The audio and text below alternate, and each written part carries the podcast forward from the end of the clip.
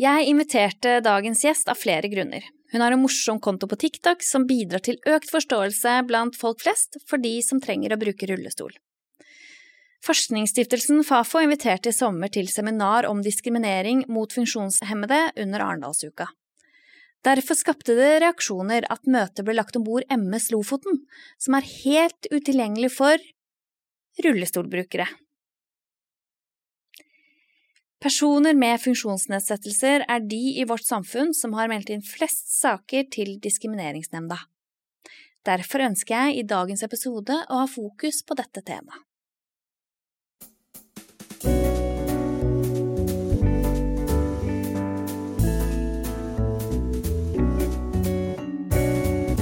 Du lytter til Snakk med Silje.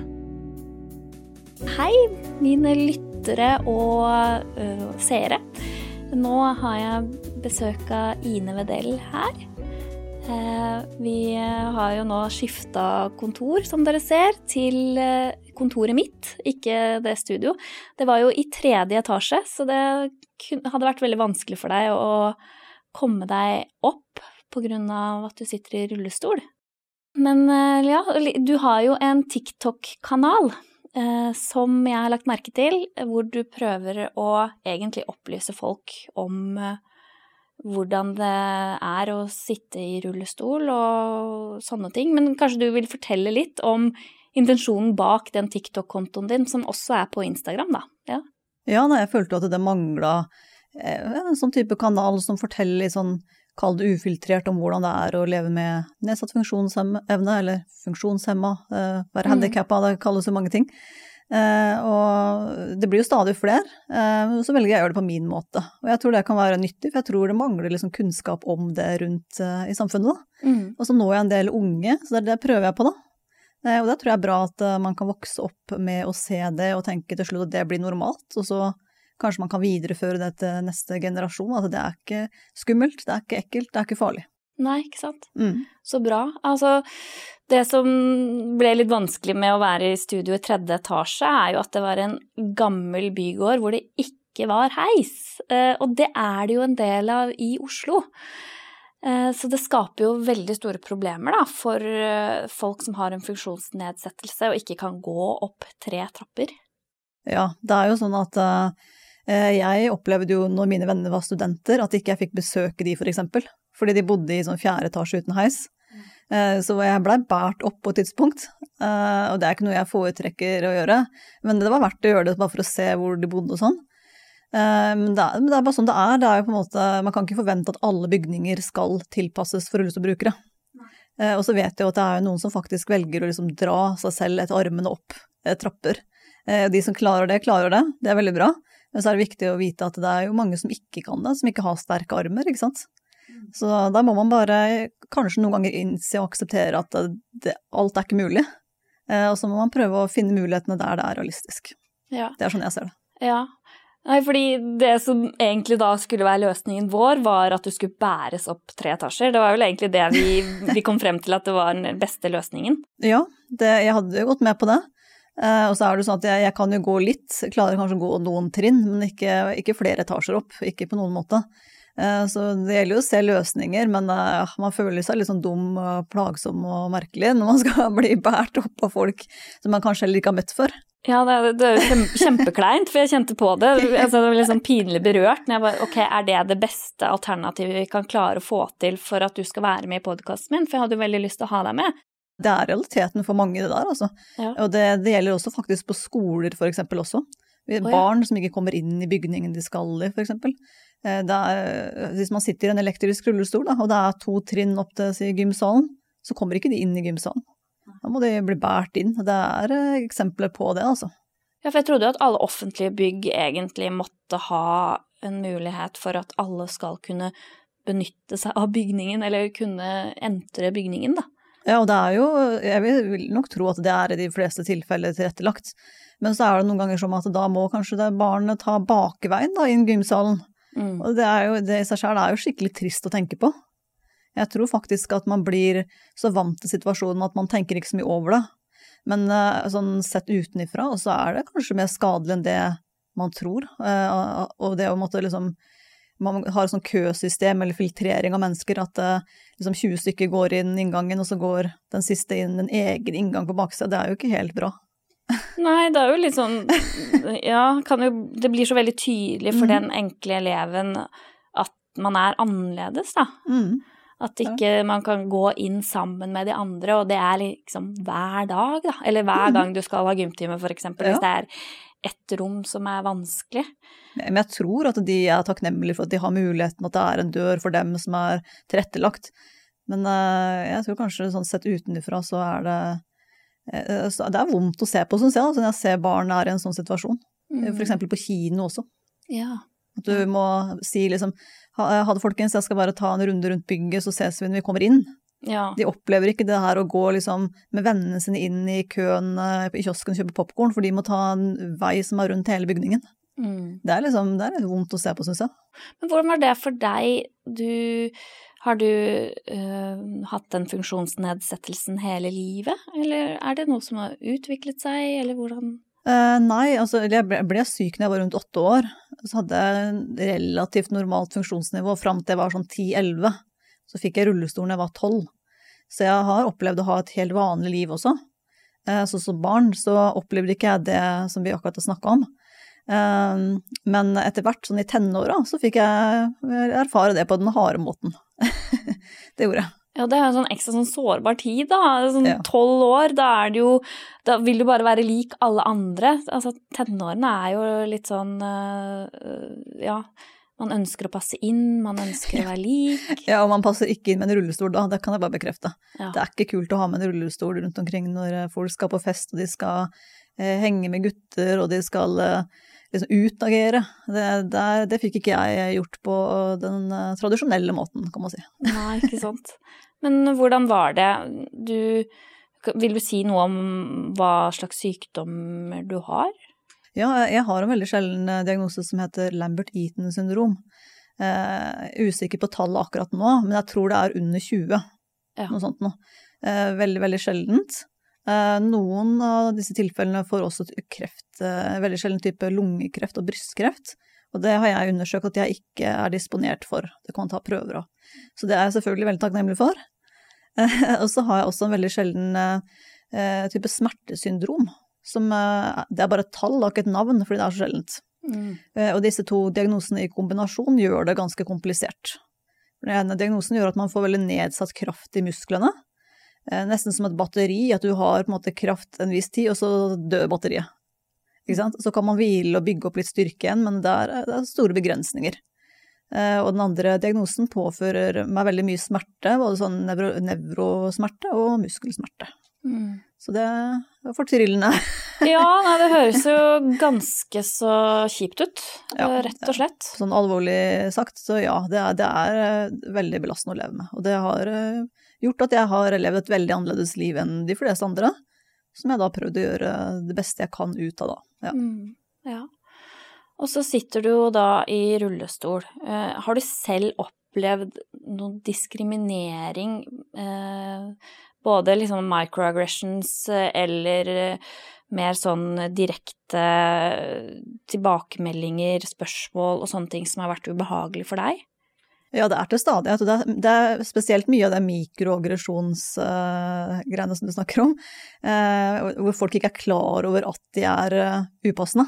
Mm. Eh, Men så er det også de hvor folk vet at det, nå er det bare upassende med vilje, rett og slett, for å skape dårlig stemning, eller det er sikkert noe underliggende der også, men eh, det er, det er, forskjellige måter folk tilnærmer, tilnærmer seg det på.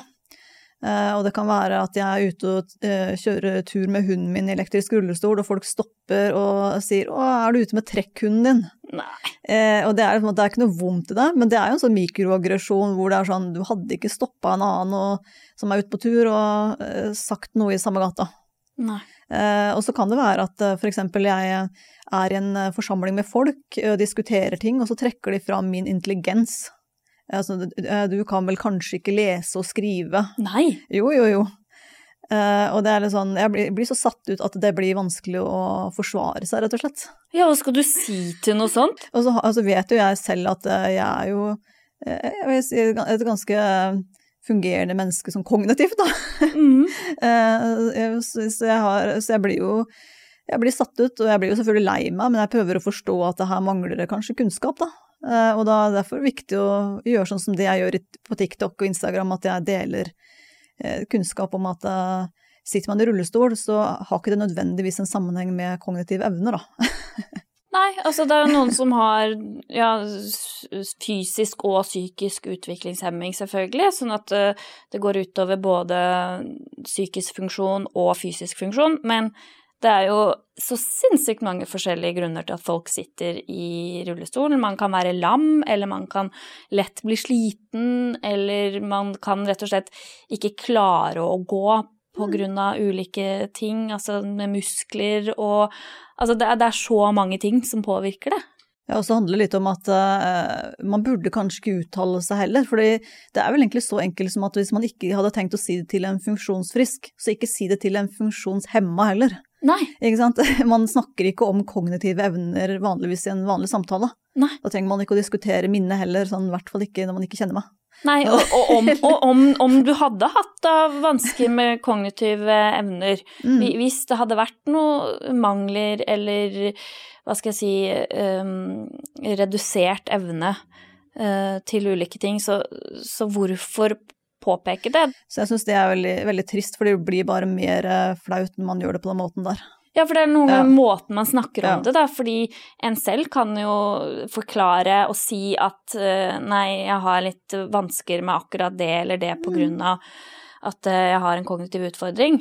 Ja. Det, det, burde det jo være åpenhet rundt, men det er jo, det er jo den selv, personen selv som eventuelt må kunne Eh, informere om det, ikke at folk rundt skal anta ditt og datt basert på egentlig øh, fordommer, da.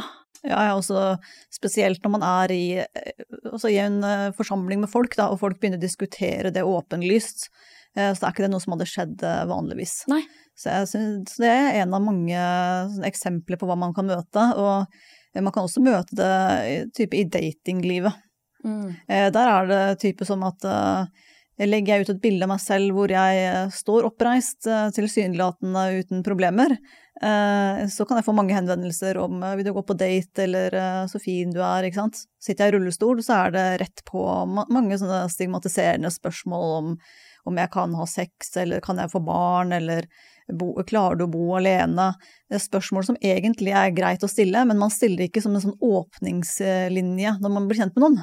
Nei, absolutt ikke. Hvis noe av det første noen spurte meg om var om jeg bodde aleine eller om jeg kunne få barn. Det, ja, ja det, det, kan være veldig sensitivt, så, så, nok en gang, det er eh, god grunn til å opplyse.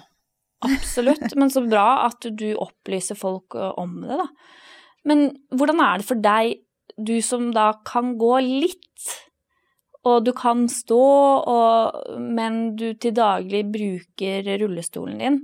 Hvordan, hvordan er det? For det eh, Ja, folk har litt sånn forskjellige holdninger og fordommer når det kommer til de tingene, da.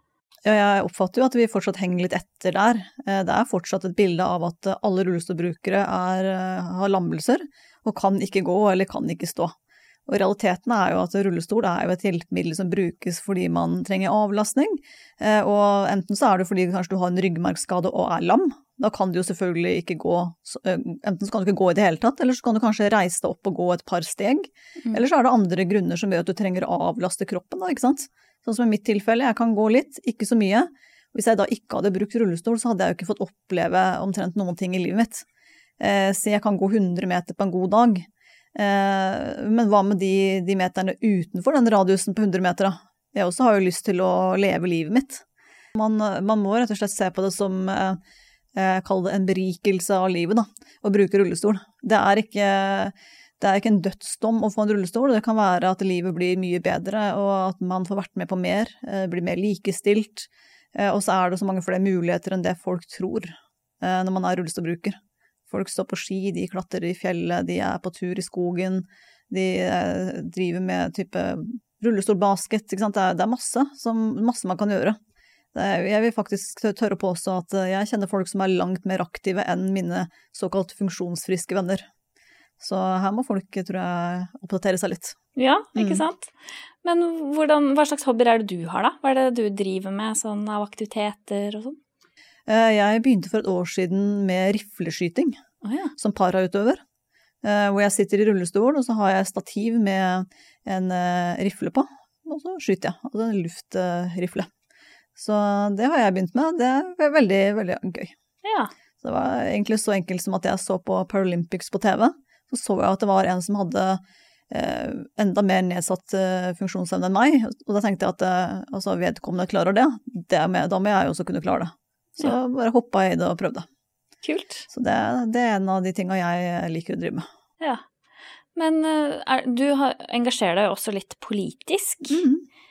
Vil du fortelle litt om det? Ja, eh, nå, jeg ble nettopp folkevalgt i Larvik kommune, eh, så det er veldig, veldig spennende. Og da håper jeg at jeg kan bruke noen av de erfaringene jeg har eh, gjort meg i livet, da, som funksjonshemma gjennom systemet og sånn, og kunne bidra der. Kanskje med litt sånn universell utforming, eller innen helse, fordi det er jo fint at noen politikere har erfart systemet selv.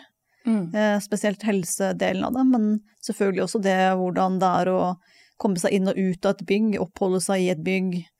Eh, ja, det, det må man noen ganger erfare selv for å forstå viktigheten av, da.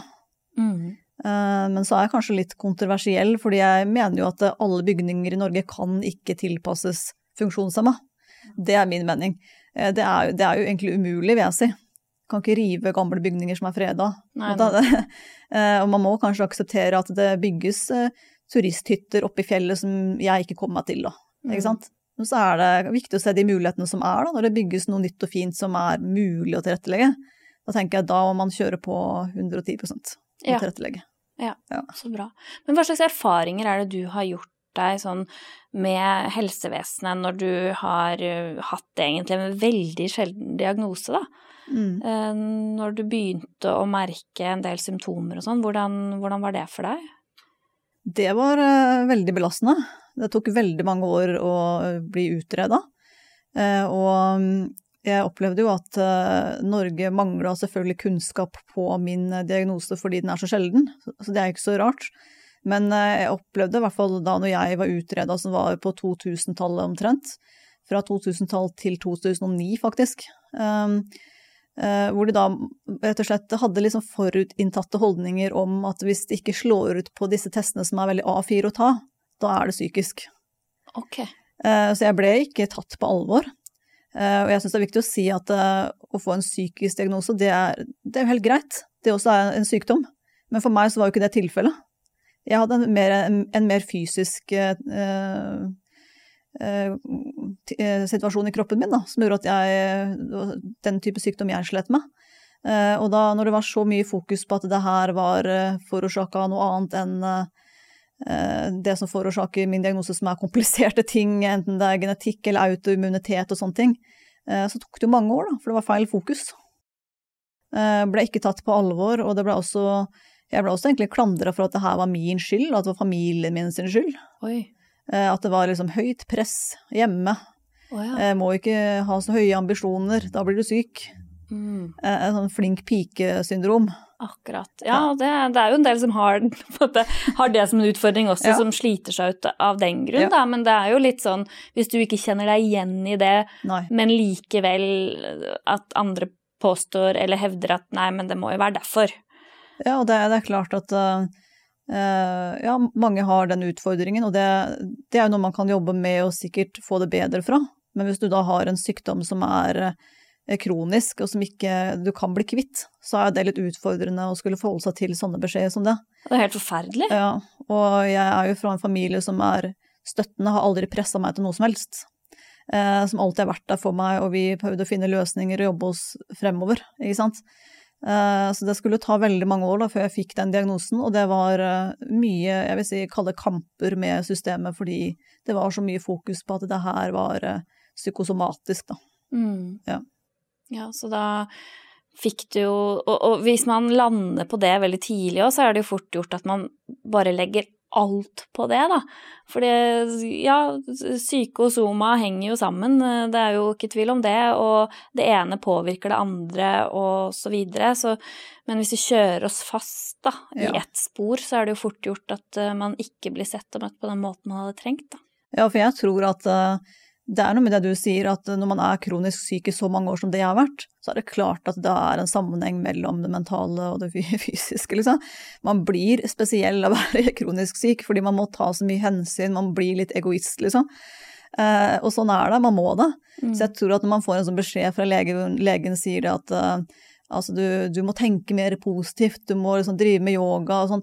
Så det de prøver egentlig å si, det er at det, det, er en sammenheng mellom at hvis du stresser mye over sykdommen din og fokuserer mye på at det gjør vondt overalt, så får du det kanskje enda verre. Mm. Uh, og det, det, er sånn hardt å høre på feil tidspunkt. Absolutt. Og så er det jo litt sånn og du må tenke mer positivt. Det er det jo ingen Jeg tror ikke det har hjulpet noen noen gang at noen sier det, hvis, hvis det gir mening. Ja, sånn som meme om det på Instagram. Oh, ja. At det, har det noen gang liksom vært, ført til noe positivt når noen sier sånn 'slapp av, tenk positivt' når du står i en krise?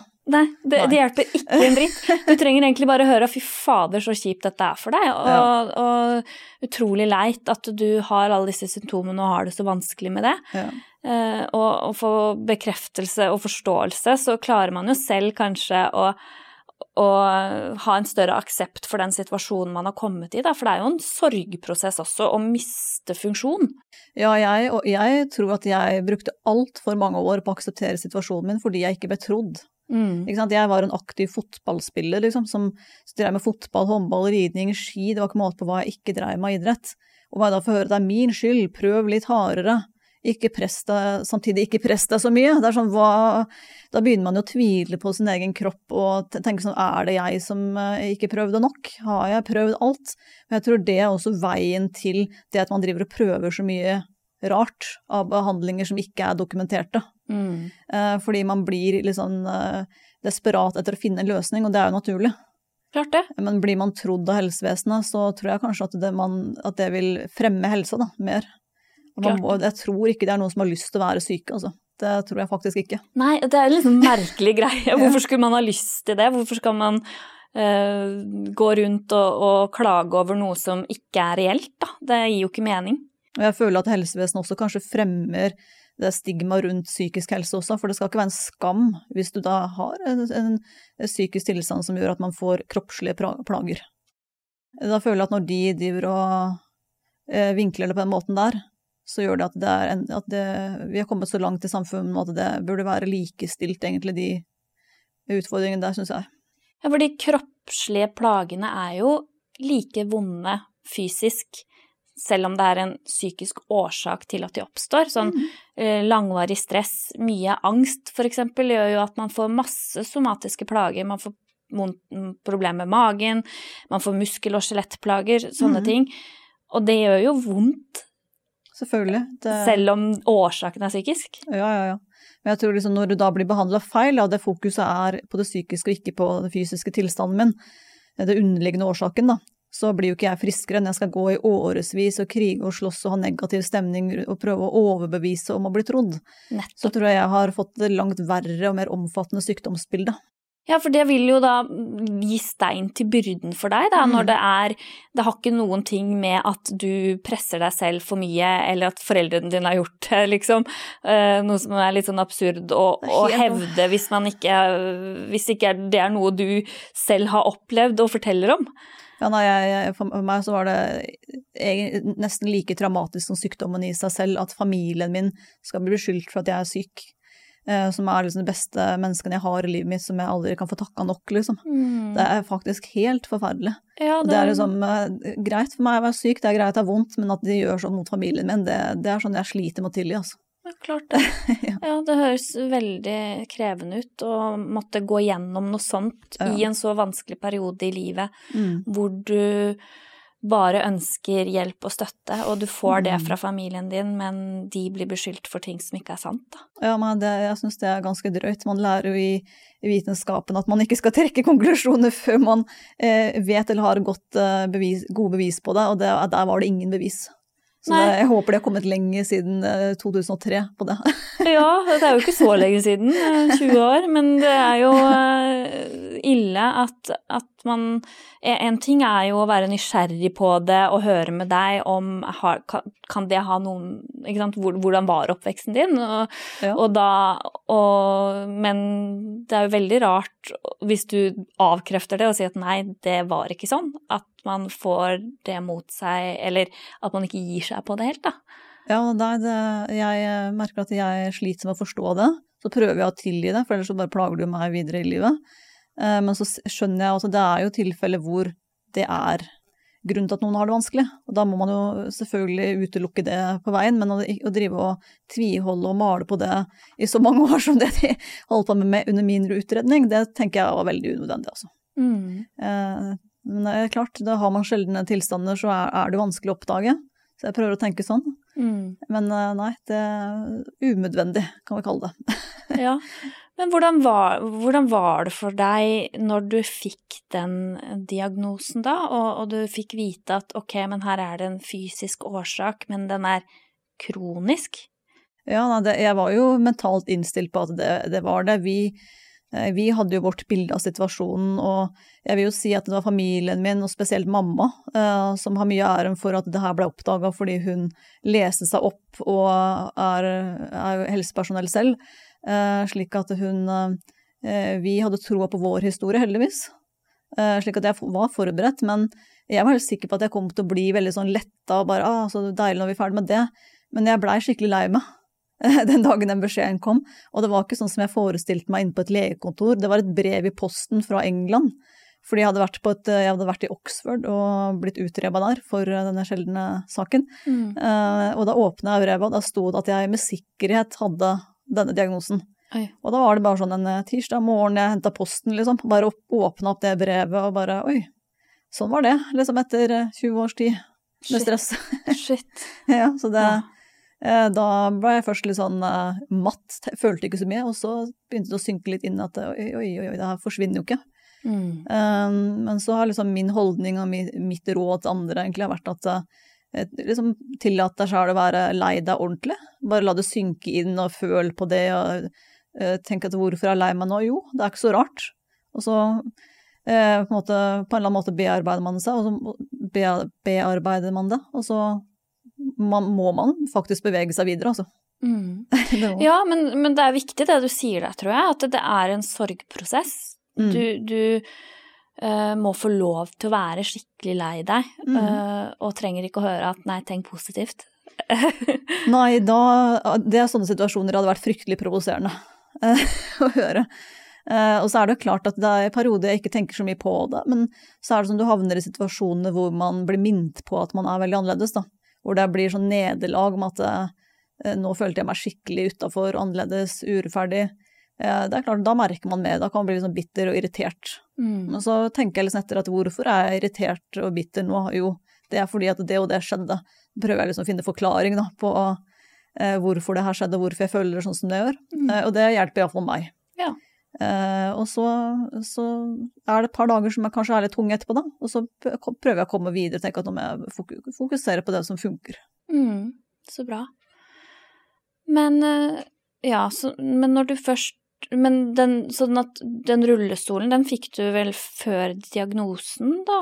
Eller hvordan, ja. hvilken rekkefølge var det der? Jo, ja. det fikk jeg som et forebyggende tiltak ja. for å komme meg ut. Mm. Uh, men sannheten er jo at jeg kommer meg ikke ut, for at jeg torde jo ikke å bruke den rullestolen før jeg var sånn kanskje sånn uh, eh, 18. Ja. Og det var sånn på ferie eller i andre byer eller sånne ting, fordi jeg var redd for at uh, de som kjente meg eller lokalmiljøet skulle tenke at så, herlig, så dramatisk Ine er, liksom. Hun trenger jo ikke den, hun kan jo gå. Jeg så jo Ine gikk på butikken i går, ikke sant. Mm. og så så jo ikke de meg når jeg lå hjemme og gråt etterpå, ikke sant. så jeg var altfor opptatt av hva andre tenkte. Mm. Uh, og det er sånne meldinger jeg får ganske mange av, akkurat det jeg beskriver nå. Og folk eh, får kommentarer, og de er redde for at de skal bli ikke tatt på alvor. Ja. Og da prøver jeg å si nummer én, ikke bruk så lang tid som meg på å akseptere utfordringa di. Og to, vi lever én gang, så bruk rullestolen din og kom deg ut. Ja.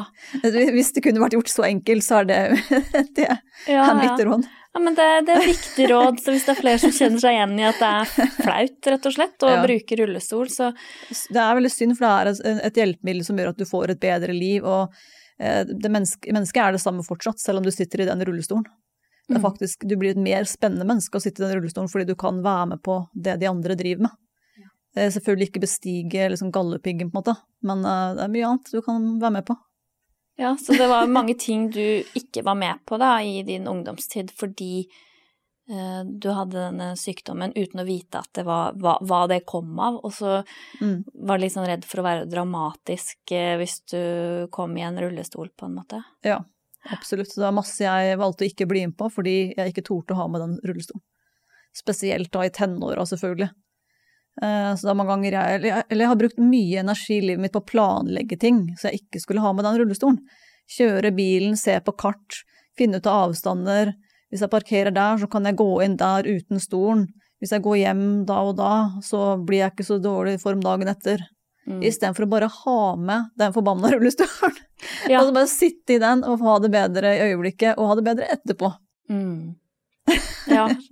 ja, men det gir jo mening at, det, at eh, det faktisk er et hjelpemiddel som gjør at du får vært med på mye mer ute i verden, og eh, det er så trist å høre at du mista Ja. liksom ungdomstiden din litt Mm. på Ja. grunn av alt det her, da.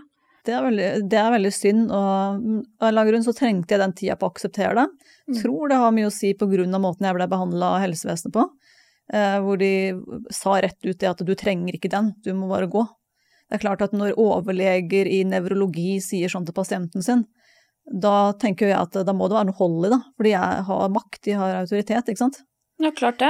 Du tenker jo det at eh, nei, ok, når legen sier det, så Ja. da, da er jeg kanskje dramatisk, da. Da Mm. overdriver jeg kanskje, og så hindrer det deg å få den hjelpen du hadde trengt for å fungere bedre i hverdagen din, da. Ja, så det, det ligger nok noe i det. Så, så alle trenger sikkert eh, sin tid på å akseptere og bearbeide, for det er jo det er noe med det at du må ta et valg også. Når ikke du er i en ulykke og du må Mm. eh, bruke rullestol, du må ta et valg. Det er liksom enten inkludere rullestolen i livet ditt, eller leve uten å ha et begrensa liv. Og det er sånne fordommer rundt rullestolbruk, så er det, det er tøft altså, å ta et sånt valg. Mm. Eh, Men det skal sies at nå er jo jeg der at det er ikke et valg lenger. Jeg må ha den. Men på det tidspunktet jeg måtte ta et valg, så tror jeg få kan forestille seg hvordan det er. Eh, spesielt når det er sånne fagfolk som puster deg i nakken Mm. og ber deg skjerpe deg. Ja, det er forferdelig. For det er jo litt rart også, hvorfor i all verden skulle du selv kjenne et behov for å bruke rullestol hvis du faktisk ikke var et behov for det? Jeg syns det er litt rart å, å si, eller tenke at eh, det, det er jo på en måte siste utvei hvis man er så sliten og har det så vondt, at man ser på det som en løsning, at de, man da som helsepersonell ikke ser at ok, dette er ikke bare en lat person. Altså, jeg, jeg, kan jeg har litt vanskeligheter med å forstå hva, hva, kan, hva som kan gjøre at man tenker det. Ja, altså, jeg var jo liksom eneste jenta på fotballaget, ikke sant. Jeg var så sportslig som det kan få blitt. Så det at jeg, mitt konkurranseinstinkt og stahet bare bestemte meg for at jeg var nødt til å ta i bruk rullestol, det satt langt inne, Mm. ikke sant. Mm. Så det, jeg kan bare ikke forstå at noen tenker at noen gjør det fordi det er bare kjekt og greit, på en måte. Nei. For det er jo, selv om det gjør livet friere, så er det jo en, en stor påkjenning, ikke sant, i livet. Mm. Så det, det, det, også sliter jeg med å forstå den tankegangen der, for det er ingen som bruker rullestol hvis ikke de trenger det av en eller annen grunn, ikke sant. Nei. Eh, Nei, for det er litt sånn Det, det, det er jo Ja, for eksempel, da, så er det jo en del eldre damer og menn som syns det er flaut å gå med rullator, for da ser de på en måte litt eldre ut og, og litt sånne ting. Så det blir jo kanskje litt i samme gata at man tenker at ok, men da ser jeg enda mindre funksjonsfrisk ut for de rundt meg hvis jeg sitter i en rullestol, da. At det er liksom en del av bildet, på en måte. Ja, jeg får veldig eh, bra sammenligning med rullatoren, for jeg får inntrykk av at eh, folk tror at med en gang de bruker et hjelpemiddel, så på en måte forsvinner deler av personligheten deres, eller identiteten deres blir ødelagt. Mm. Og jeg pleier å si til folk at det, det er bare noe du kan, det kan man egentlig bestemme sjøl. Sånn, hvis man skal se veldig lett på det, ikke faglig. Mm. Altså, jeg har bestemt meg for at uh, rullestolen, ja, det er en del av meg, det er ikke noe farlig. Det gjør at jeg får, et, at jeg får det bedre som et jeg. Mm. Ikke sant? Og det er, det er, det er eh, en, en liksom karbonramme med hjul på. Mm. Det er ikke noe mer enn det. Nei. Du kan prøve å ufarliggjøre det litt. Så er det ikke sånn at du, identiteten din går til grunne selv om du bruker den. Altså. Det gjelder rullatorer også. Ja, Du får et veldig kjedelig identitet hvis det- den handler om å eh, oppholde deg inne på sofaen, ha vondt, eh, du mister det du, tinga du er glad i. Kanskje du når du er eldre har lyst til å gå og mate endene ved elva, da. Det er en viktig del av deg som person. Og du, mister det fordi du ikke vil bruke en rullator. Eh, Plastikkgreie med hjul på, på en måte. Mm. Nei. Nei. Da må man sette det Jeg prøver å sette det i perspektiv. Mm. Ja. Ja. Ja, men det er, det er viktig å ta med seg hvis det er noen som kjenner litt på det nå, at å, ok, kanskje jeg skal bruke noen hjelpemidler da for å Ja. komme meg mer ut i hverdagen. Men det er, det er vanskelig, altså man skal ikke bagatellisere det. Men eh, hvis man bare blir minnet på forhåpentligvis det jeg sa nå, at det er til hjelp, eh, og sette det i perspektiv, så tror jeg det hjelper litt. Mm. Men hvordan er det for deg nå i livet ditt å sitte i rullestol? Kommer det deg ut eh, for tiden, eller? Ja, altså jeg, jeg har jo elektrisk rullestol og en veldig, veldig, veldig fint hjelpemiddel jeg har fått som har firehjulstrekk, så jeg kan kjøre Ja. på snø og jeg kan kjøre litt mer sånn offroad og sånn. Eh, men jeg kommer meg ikke ut like mye som jeg skulle ønske, fordi eh, det er jo eh, et fenomen i Norge da, hvor kommunen kommunene ikke innvilger eh, assistanse på den måten som eh, mange trenger. Da. Eh, og det er basert på timer man trenger i uka. Og så er det noen som får noen timer, noen får mange timer, eh, og noen får ingenting. Eh, Og det er klart at det ligger jo vurderinger bak det og sånn, men eh, det er eh, et system der ikke jeg blir helt klok på når det kommer til eh, hvordan man eh, bevilger hjelp til folk som trenger det i Norge. For jeg tror at det har ganske alvorlige ringvirkninger hvis man ikke får hjelp og blir sittende inne. Ja. ja, da går det jo på psyken løs også, Ja. eh, Ja. for da kan man jo bli ensom og ha lite innhold i hverdagen. Det er jo veldig viktig for alle mennesker, egentlig, å ha noe å, kjenne at man bidrar i samfunnet og er nyttig, og at man gjør ting, og at man er sos... Og, så har, har vi jo også et sosialt behov. Ja, og det, det er noe med det at jeg husker jeg skrev i min eh, anke, da, jeg fikk jo avslag, eh, at Ja. det er jo faktisk sånn at i Norge så har jo innsatte krav på sos x antall timer sosialisering i uka, Mm. mens funksjonshemmede får ikke det. Jeg kjenner mange som ligger, de ligger i et rom alene, venter på at hjemmesykepleieren kommer innom et par ganger i løpet av dagen, og det er det de får av sosialisering. Oi. Så når de søker om hjelp til enten det er støttekontakt eller personlig assistanse, får ikke det innvilga. Så det er rare ting som foregår i Norge. Og det er jo veldig spesielt at Mhm. eh, man ikke har rett på å få lov til å komme seg ut. Det, det er noe med at mennesker trenger å sosialiseres, trenger å bevege seg det de kan. Jeg tror ikke løsningen er å fortrenge funksjonshemmedes problem, altså i Norge. Nei. At man ikke kommer seg ut eh, på en fritidsaktivitet, trening, eh, lage næringsrik middag hjemme. bli mer likestilt, da. Ja. Det, der er det store mangler, altså. Mm. Hva som er grunnen til det, det er, det er ikke alltid lett å si. Det er lett å si at det er økonomi, men uh, det er et stykke igjen å gå der. Altså, og det er store sos eh, kommunale forskjeller også på hvordan disse ordningene bevilges. Ja. Så det også er veldig rart. Men for du hadde søkt om brukerstyrt personlig assistent, altså BPA, Ja. var det det? Ja. Og det har jeg jo hatt innvilga tidligere, for noen år siden. Uh, Og skulle søke om det på nytt nå, og fikk det ikke innvilga. Nei. Hva var grunnen til det, da? Vet du det? Eh, Det er, jo litt, noe- det er jo litt sånn økonomi da, inne i bildet som blir nevnt der. Okay. Eh, og så handler det litt om antall timer eh, man trenger i løpet av en uke som gjør at man har rett på det eller ikke. Og da er det gjerne sånn mellomrom, vil jeg si, mellom det å, å ha krav på BPA og det å ha støttekontakt eller hjemmehjelp. Eh, For det er jo en del mennesker som ikke trenger oppi 30 timer hjelp i uka. Og når du ikke da oppfyller det kravet, så havner du egentlig litt utafor systemet. Oh, ja. Eh, For det er jo klart at unge mennesker, sier du, du skal på jobb da, og ikke er ufør, eh, så kan man ikke vente på hjemmesykepleien hjemme for å komme seg ut. For hjemmesykepleien har en liste som må, de må gjennom før de kommer til deg. Mm. Og det passer ikke med et ungt menneske som skal komme seg på jobb. Nei, å bare sitte hjemme og vente på at hjemmesykepleien Mhm. kommer, det er jo Og du vet ikke akkurat når det er, det kan være Mhm. mellom da og da, Ja. og så, så går jo hele dagen til at noen kommer innom.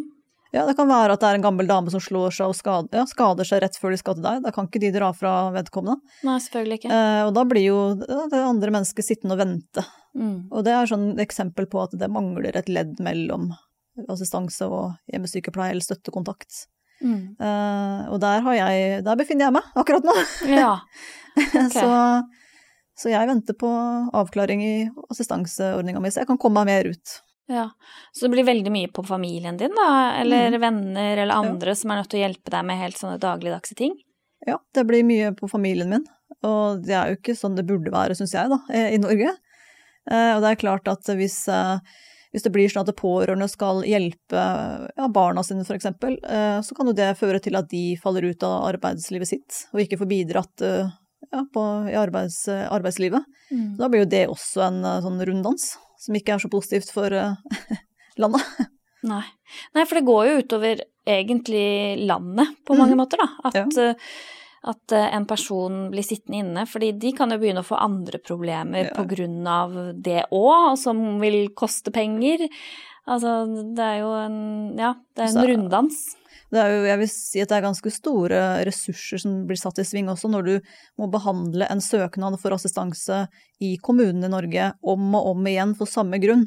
Når du har en kronisk tilstand som ikke forsvinner, så, så er det veldig rart å måtte drive og ha den samme saksgangen om og om igjen i Ja, tiår, på en måte. da. Mm. Eh, Det er jo flere sånne eksempler på det vi har sett i media, hvor det er, eh, du har Downs syndrom eksempel, hvor du da må fornye eh, Si det er du Jeg leste en sak om en som måtte fornye parkeringsbeviset sitt, altså sånn HC-parkering. Å, ja. Vedkommende hadde Downs syndrom, måtte fornye det på nytt. Men Ja. vedkommende har fortsatt Downs syndrom. Ja, plutselig så Ja. blir funksjonen en Ja. helt annen, da. Det er jo litt Ja. rart. Men det er jo ikke alle som har det syndromet som trenger det. Men hvis Nei. du først uh, har trengt det ja. og fått det innvilket, så er det Ja. litt rart at du plutselig Nei, nå har jeg ikke behov for det lenger. Ja, det er, litt det det går på her. Eh, Så ja, det, det blir litt sånn for meg òg, at mitt, eh, min tilstand, den er der til jeg dør. Mm. Den, jeg jeg dør, eh, dør ikke av det, men med det. Mm. Og det er klart, Da syns jeg det er litt bortkasta ressurser å måtte behandle den samme, samme saken om igjen eh, gang på gang på gang eh, gjennom livet. Ja, det er litt Ja. spesielt. Og, og det behovet for å ha en assistent, det vil jo ikke endre seg, det heller. Nei, det har vel i mitt tilfelle heller økt, da. End- Endra seg. Behovet mitt har endra seg, men økt. Så da tror jeg faktisk at eh, man tjener på å sette inn de ressursene for å forebygge og ja, eh, gjøre at jeg får brukt mine evner og det handler om at alle trenger jo å føle seg Føle at de eh, kan bidra med noe. At de er til nytte. At de blir sett, ikke sant. og det, det blir man ikke hjemme i stua eller i senga. Nei, og, og det er ganske stor sannsynlighet for at man kanskje blir dårligere av det. Altså, Ja, det, Både psykisk og fysisk. At man ikke er i aktivitet, at man ikke kommer seg ut og gjør ting. Ja. Eh, Det har ganske mye å si for alle mennesker, uansett funksjonsnivå, egentlig. ja, absolutt. Helt enig. Så det, det er jo derfor det heter et likestillingsverktøy, dette BPA. Mm. eh, For at man skal eh, kunne bli sett og hørt sånn som alle andre, da. Men du har en eh, hund? Ja, det stemmer. Han er samboeren min. Ja, Veldig udramatisk relasjon. ja, så bra.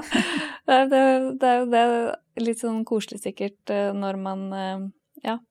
Når man eh, har vansker for å komme seg ut og sånt, da. At man ikke blir så alene, i hvert fall. For det, man kan jo bli ensom av det også, og ikke komme seg ut så mye som man hadde ønsket. Ja, det, er- det er jo liksom et helt eget kapittel, med ensomhet når man er kronisk syk. For det er klart at du blir jo, blir jo perioder glemt, ikke sant. Du, når du eh, sier nei til avtaler den tiende gang på rad, det er ikke rart at mennesker tenker at nå tror jeg vi enten dropper å ringe Tine, eller eh, tenker at, eh, at ikke de vil utsette meg for den liksom, smerten da, over å måtte si nei. Eh, Så det, det, er, det er nok mange mennesker som lever veldig i det skjulte i ensomhet, altså. Som er eh, syke, men også de som ikke er syke. Mm. Ja, så kan man jo kjenne litt på det og øh, føle at man blir en belastning på de rundt seg. Når man ikke har den assistenten som kan hjelpe, da, så, så blir det jo mye mer på alle andre rundt. Ja, og det er klart at eh, når jeg har lyst til å være sosial, så har jeg lyst til å være med mine venner og familie fordi vi skal ha det hyggelig sammen. Ikke for at jeg må ringe og si hei, kan du være så snill å hjelpe meg å kaste søpla med. Mm. det, er liksom, det er ikke det jeg har lyst til å spørre de om da. Det er for, eh, det, for, fordi det å føle seg som en belastning, det også er en skikkelig skadelig greie, altså. Ja, klart Syns jeg. Det, det er en vond følelse, det er ensomhet og det å være plagsom, eller føle seg plagsom.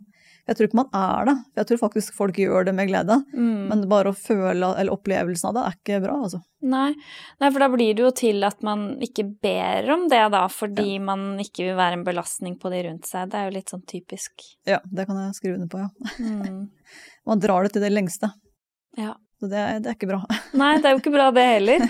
Og ikke la andre kunne få lov til å være der når de egentlig også ønsker det. Men, men det er så synd at det skal være nødvendig, da, i velferdsstaten Norge. Ja, men akkurat det jeg blir ikke klok på det. Eh, Og jeg håper at det blir sett nærmere på i eh, tida framover.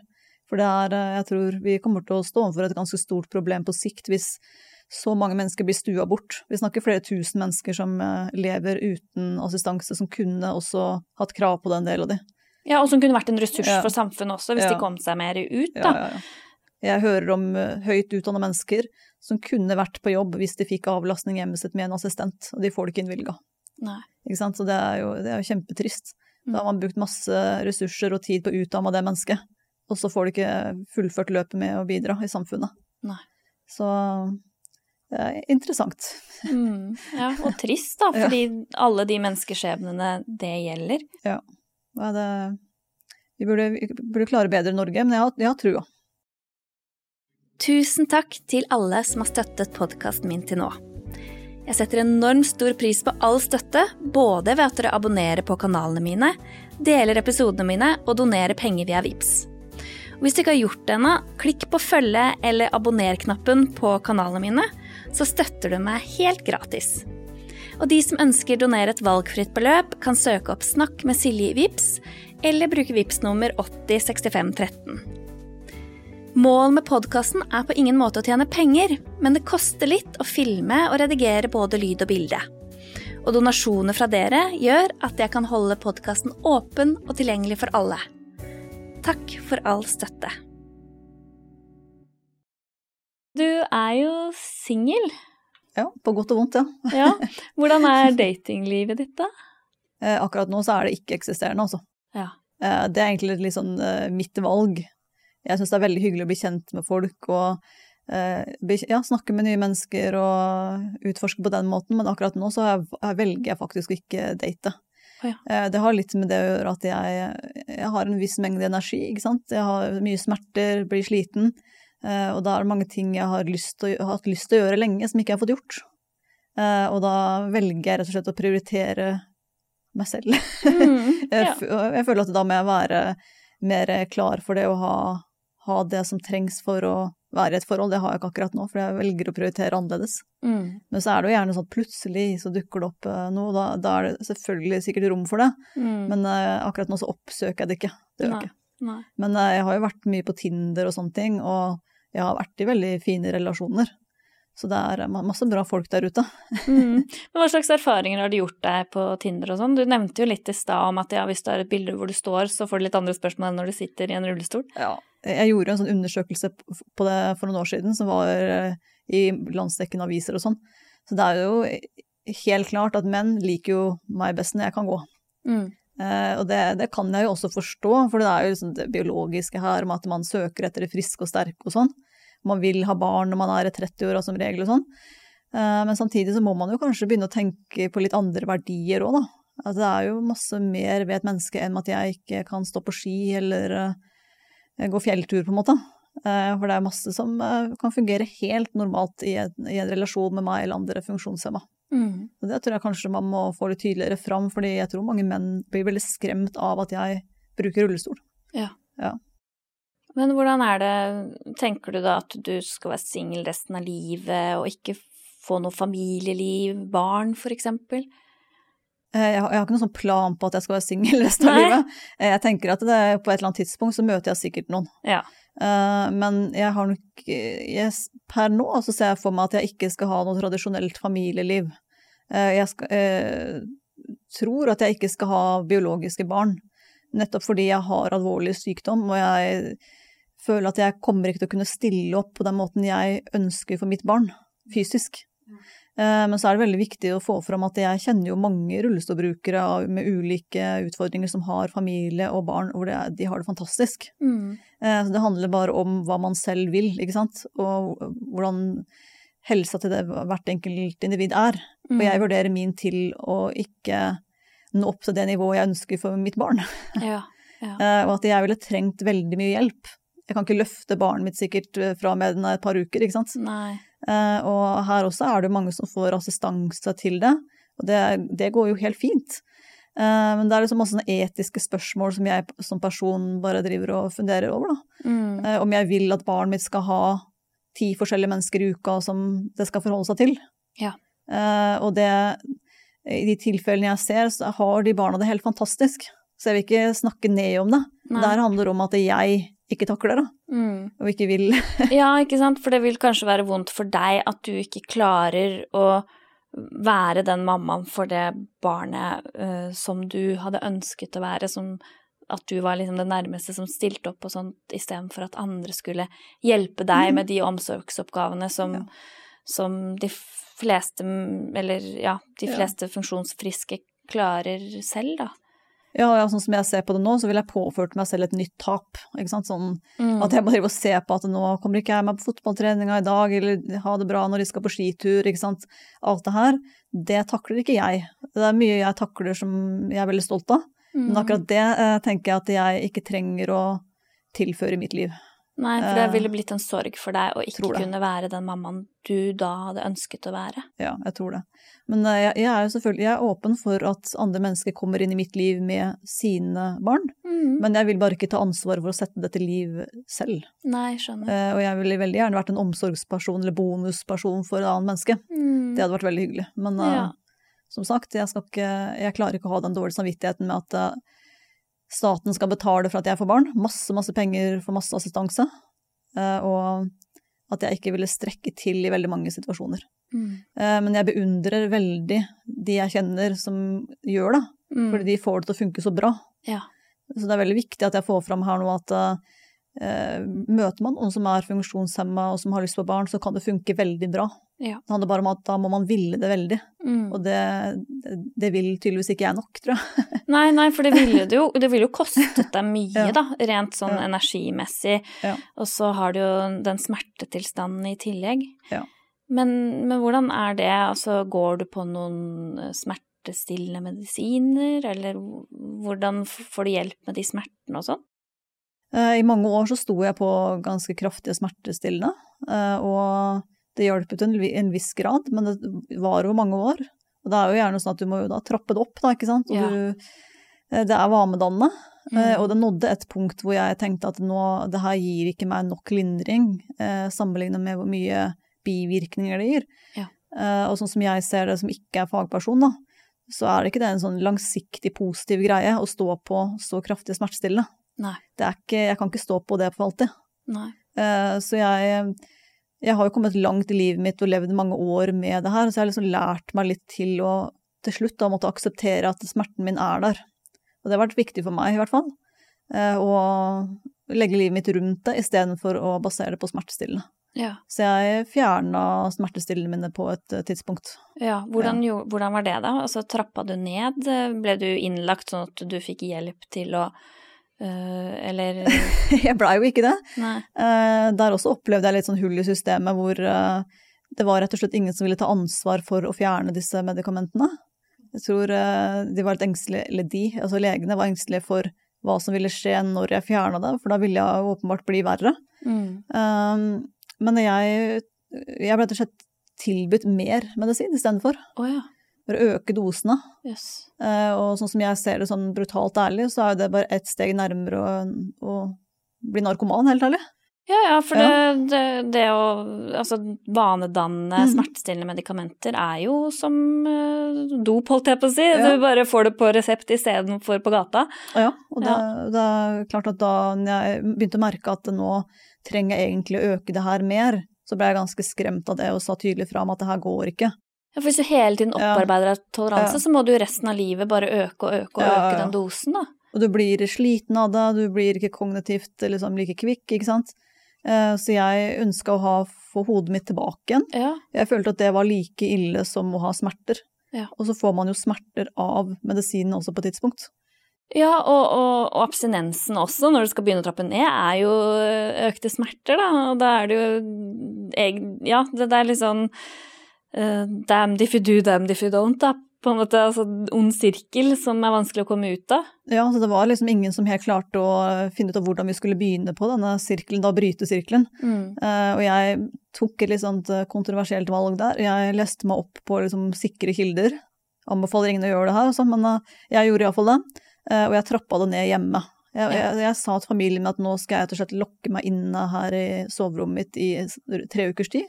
Så da kommer jeg til å være fryktelig å være rundt, og sur og lei meg og vondt og en grusom person. Ja.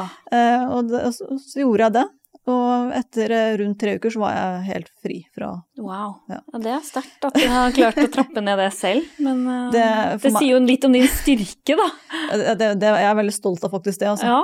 Men jeg var ikke i en sånn så høy dose at det var på noe tidspunkt farlig. Nei, okay. For jeg vil jo gjerne poengtere det at det kan jo være veldig, veldig farlig å gjøre. Hvis mm. du er i høye doser med disse Ja, og bare gå cold turkey er jo livsfarlig. Og det, er jo derfor man ofte får liksom Ja, legen ja. hjelper på å trappe ned når man ønsker ja. det, da, og at man kanskje også får ja, en innleggelse hvor man har helsepersonell rundt seg hele tiden som passer på at alt eh, går trygt for seg, da. Ja, for det blir sånn på et tidspunkt at du får lyst til å ta de pillene, ikke fordi du har lyst på de, men fordi du har så stort ubehag av den abstinensen. Klart det. At du vil ha pillene for å fjerne abstinensen, ikke for å fjerne smerten. Nei. Og da blir det litt sånn, da, når det begynte sånn, da begynte jeg å merke at herregud, for, nå, det her blir for teit, rett og slett. Mm, mm. Så her måtte jeg, måtte jeg bare eh, jeg, Nei, man må på et tidspunkt bare begynne. Det er egentlig det Noen ganger så funker de der eh, Pinterest-orda. Yeah. Det bare gjør det nå, på en måte. Mm, mm, yeah. og disse veggorda som er helt fryktelige. Ja. De, de, var faktisk motiverende tilfelle her, altså. Ja. ja. ja. for det er sånn just do it, liksom. At uh, du har ikke noe annet valg, du må bare kjøre på. Men uh, så bra at du klarte det. Ja, det, det, det, fikk en lykkelig slutt, akkurat det. Mm. Ja.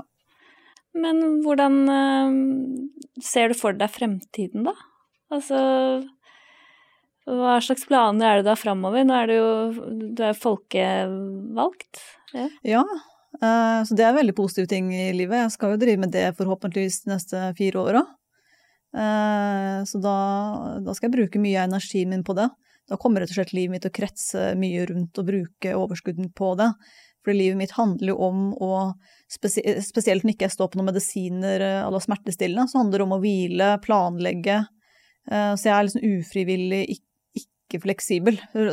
Mm. ikke sant? Eh, så det handler om å planlegge og bruke tida på det man eh, Man må være egoist, da, egentlig, og gjøre det man har lyst til, og da er det det jeg har lyst til.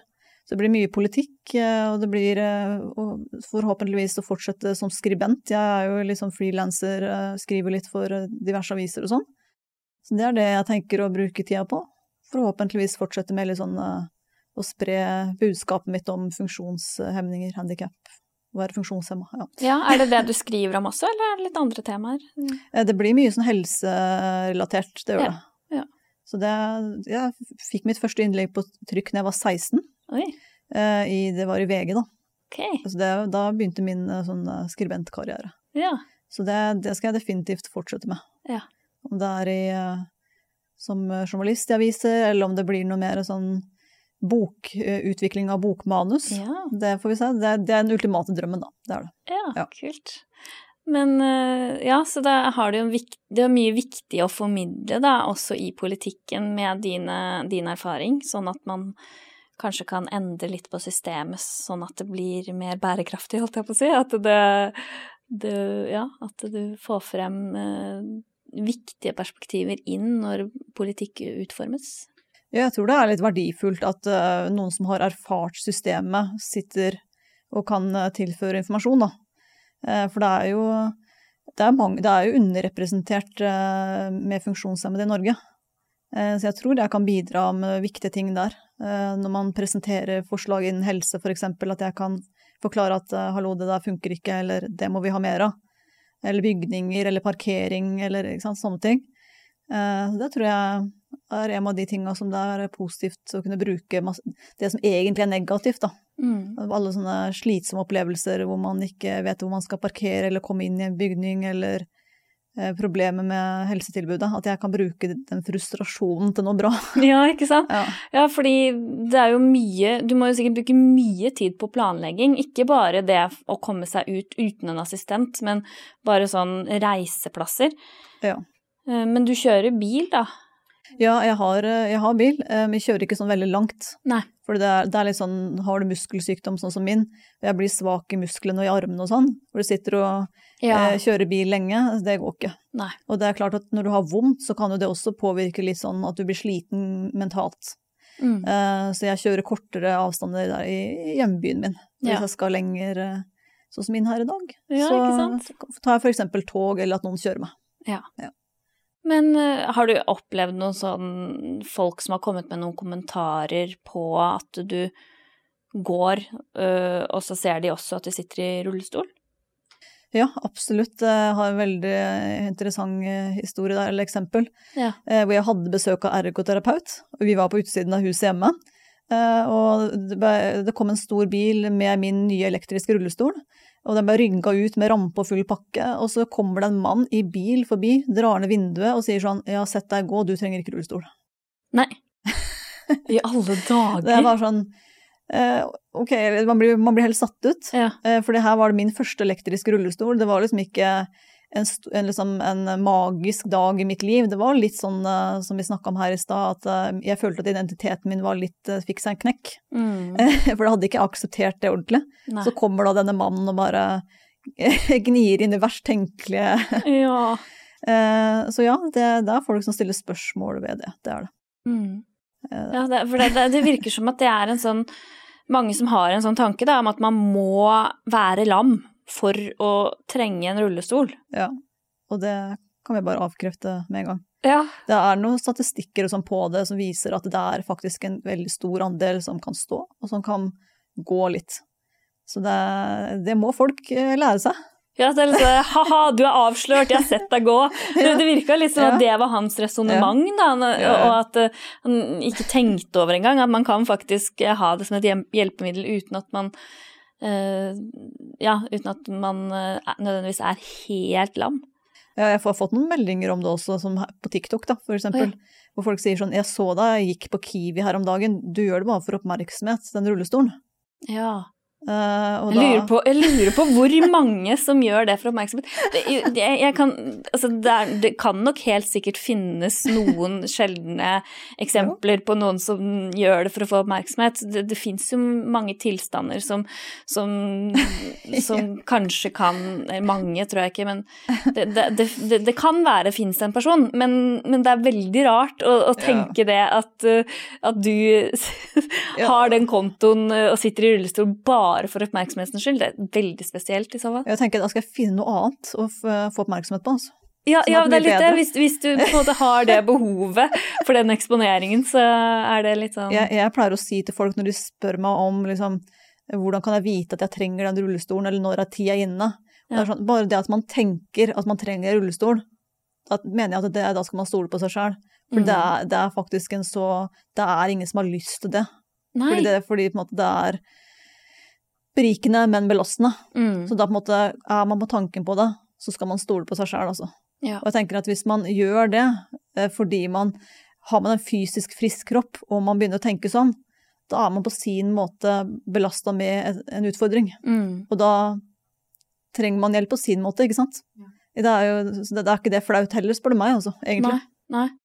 Nei, absolutt ikke. Eh, Men det er jo litt det der at Men det er jo, det er sånne kommentarer da, som, som gjør det kanskje vanskelig for en del eh, å, å komme seg ut eller ta det skrittet og tenke at eh, det kan være helt ok å sitte i rullestol Ja. for å få en bedre hverdag, når folk tenker at nei, men du får, gjør det bare for å få oppmerksomhet, fordi du kan jo gå litt. Det er sånn. Ja, nei, da Altså, jeg tror jeg, kan, jeg og mange andre kan finne andre måter å få oppmerksomhet på, da, enn å bruke rullestol, altså. Ja. Det, det, jeg, jeg tror sånn på en al alvorets side så må folk vite at det, det er så skadelig, de kommentarene der. Mm. Det er så mange unge som sitter inne som ikke tør å gå ut. fordi ikke de tør å bruke rullestolen sin. Mm. Eh, Så det her må vi slutte med. Vi er bra folk eh, i Norge, og mange eh, stort sett ellers i verden òg, men sånn, Mm. vi, vi må slutte med det greiene der. Vi kan bedre enn det. Ja. Ja. ja, det er rett og slett skik skikkelig trist Ja, det det. at, uh, at man får sånne kommentarer. Uh, Det sier noe om fordommene og den manglende kunnskap og forståelsen og ja, også, hvis, hvis man ikke har noe hyggelig å si, så kan man la være, altså. Hvis, ikke, Ja. hva, hva er, eh, hvis man ikke Man må tenke litt på det. Hva er hensikten med å komme med sånne type kommentarer? Men jeg håper ikke at det er veldig mye av de kommentarene. Hva, hva, hva- slags andre tilbakemeldinger er du får? For den er det Heels on Wheels? eh, ja, ja, he, my, my Heels and Wheels heter jeg da. My liksom. Heels ja. and Wheels var det, ja. Så ja, det, det er mye det med hvorfor jeg bruker rullestol, og så er det at jeg har en sånn pegg i magen som jeg får Mm. næring gjennom.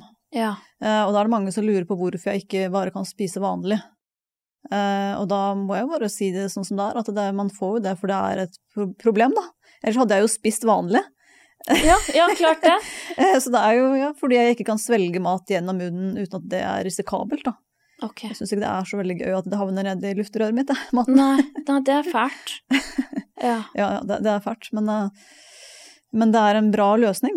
Ja. Eh, Og mange blir stressa av det og syns det er ekkelt og eh, skremmende og sånn. Og ja, det er jo litt skremmende å ha et hull inn i magesekken som du kan se fra utsiden av magen. Mm. Men det er et bra, et bra hjelpemiddel som gjør at jeg får det mye bedre.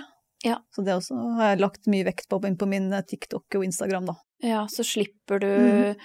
å få masse problemer med å spise. Da, Ja. da er det faktisk bedre for deg å ikke spise. Ja, egentlig, Mm. ja. Hvis man tenker at man har hatt masse problemer da, gjennom hele livet med du har vondt, du eh, sliter med å svelge det, bruker mye tid på det, du får ikke nok næring, du blir dårlig av det òg, ikke sant? Mm. Og du får hjelp til å få næring rett inn i magesekken din eh, via et hull, så velger jeg sistnevnte. Ja. Ja, ja, men det, det er jo bra at man kan finne sånne løsninger, da, sånn at du slipper å, å kje- få, ha så mye ubehag knytta til å spise. Ja, Så det er nok eh, nei, det, De meste uheldige kommentarer handler om dette med eh, rullestol og at jeg kan gå. Mm. Og det er eh, et stort mysterium for mange. Ja, men det er jo så bra da at du, du kan formidle disse tingene litt sånn ordentlig, eh, og at eh, du da gjør en viktig jobb for veldig mange andre som er i samme situasjon, for dere er vel en god del som bruker rullestol i Norge? Ja, det er, det er mange tusen. Ja. Husker ikke helt konkret akkurat nå, Nei. men det er mange tusen. Og så ifølge eh, undersøkelser som jeg har sjekka, vel Norges Handikapforbund og sånn som har gjort noen undersøkelser på det. Og så Mm. Nav har jo registrert antall utlånte rullestoler, ikke sant. Mm. Så, så er det interessant at det finnes så mange typer rullestoler også. Ja. For jeg tror at mange ser for seg sånn gigantisk drog av en gammel kjerre, liksom. Eh, Det finnes jo rullestoler som veier no, bare noen få kilo, under fem kilo. Ja.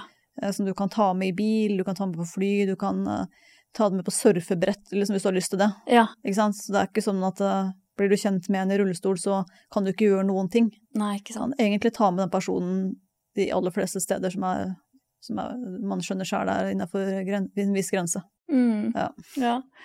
Um, men i, i, My Heels on Wheels, var det det det het? Eh, My Heels and Wheels. And Wheels, ja. Jeg har jo sett den logoen så mange ganger, for det var jo på grunn av, eh, på grunn av den TikTok-kontoen at jeg ble kjent med deg, eller eh, ble oppmerksom på um, hva du driver med og, og sånn.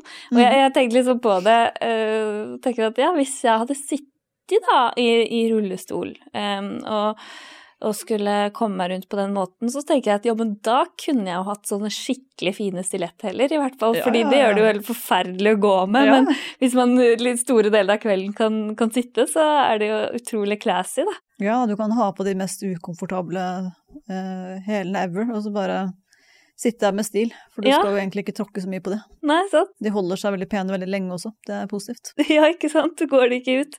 Hvis man skal eh, ah, Det er fælt å si, men eh, hvis man skal på en måte ta noe positivt ut av det, så er det jo noen sånne type ting som Absolutt. Det, det kjipe er at du får ikke noen ny unnskyldning til å kjøpe deg nye sko, for de holder seg så lenge. Nei, det var det, da. Så er det Det- en sånn, eh, jeg vil følge med på moten, så ja, ja, ja det, skjønner det. Nei. Men eh, hva andre ting er det du tenker nå at um, du ønsker å formidle til uh, lytterne mine og seerne mine, uh, som de kjenner på at de ikke har fått uh, sagt noe om i dag? At man, hvis man ikke har en funksjonsnedsettelse selv, mm. at man kanskje skal være liksom åpen for å lære nye ting.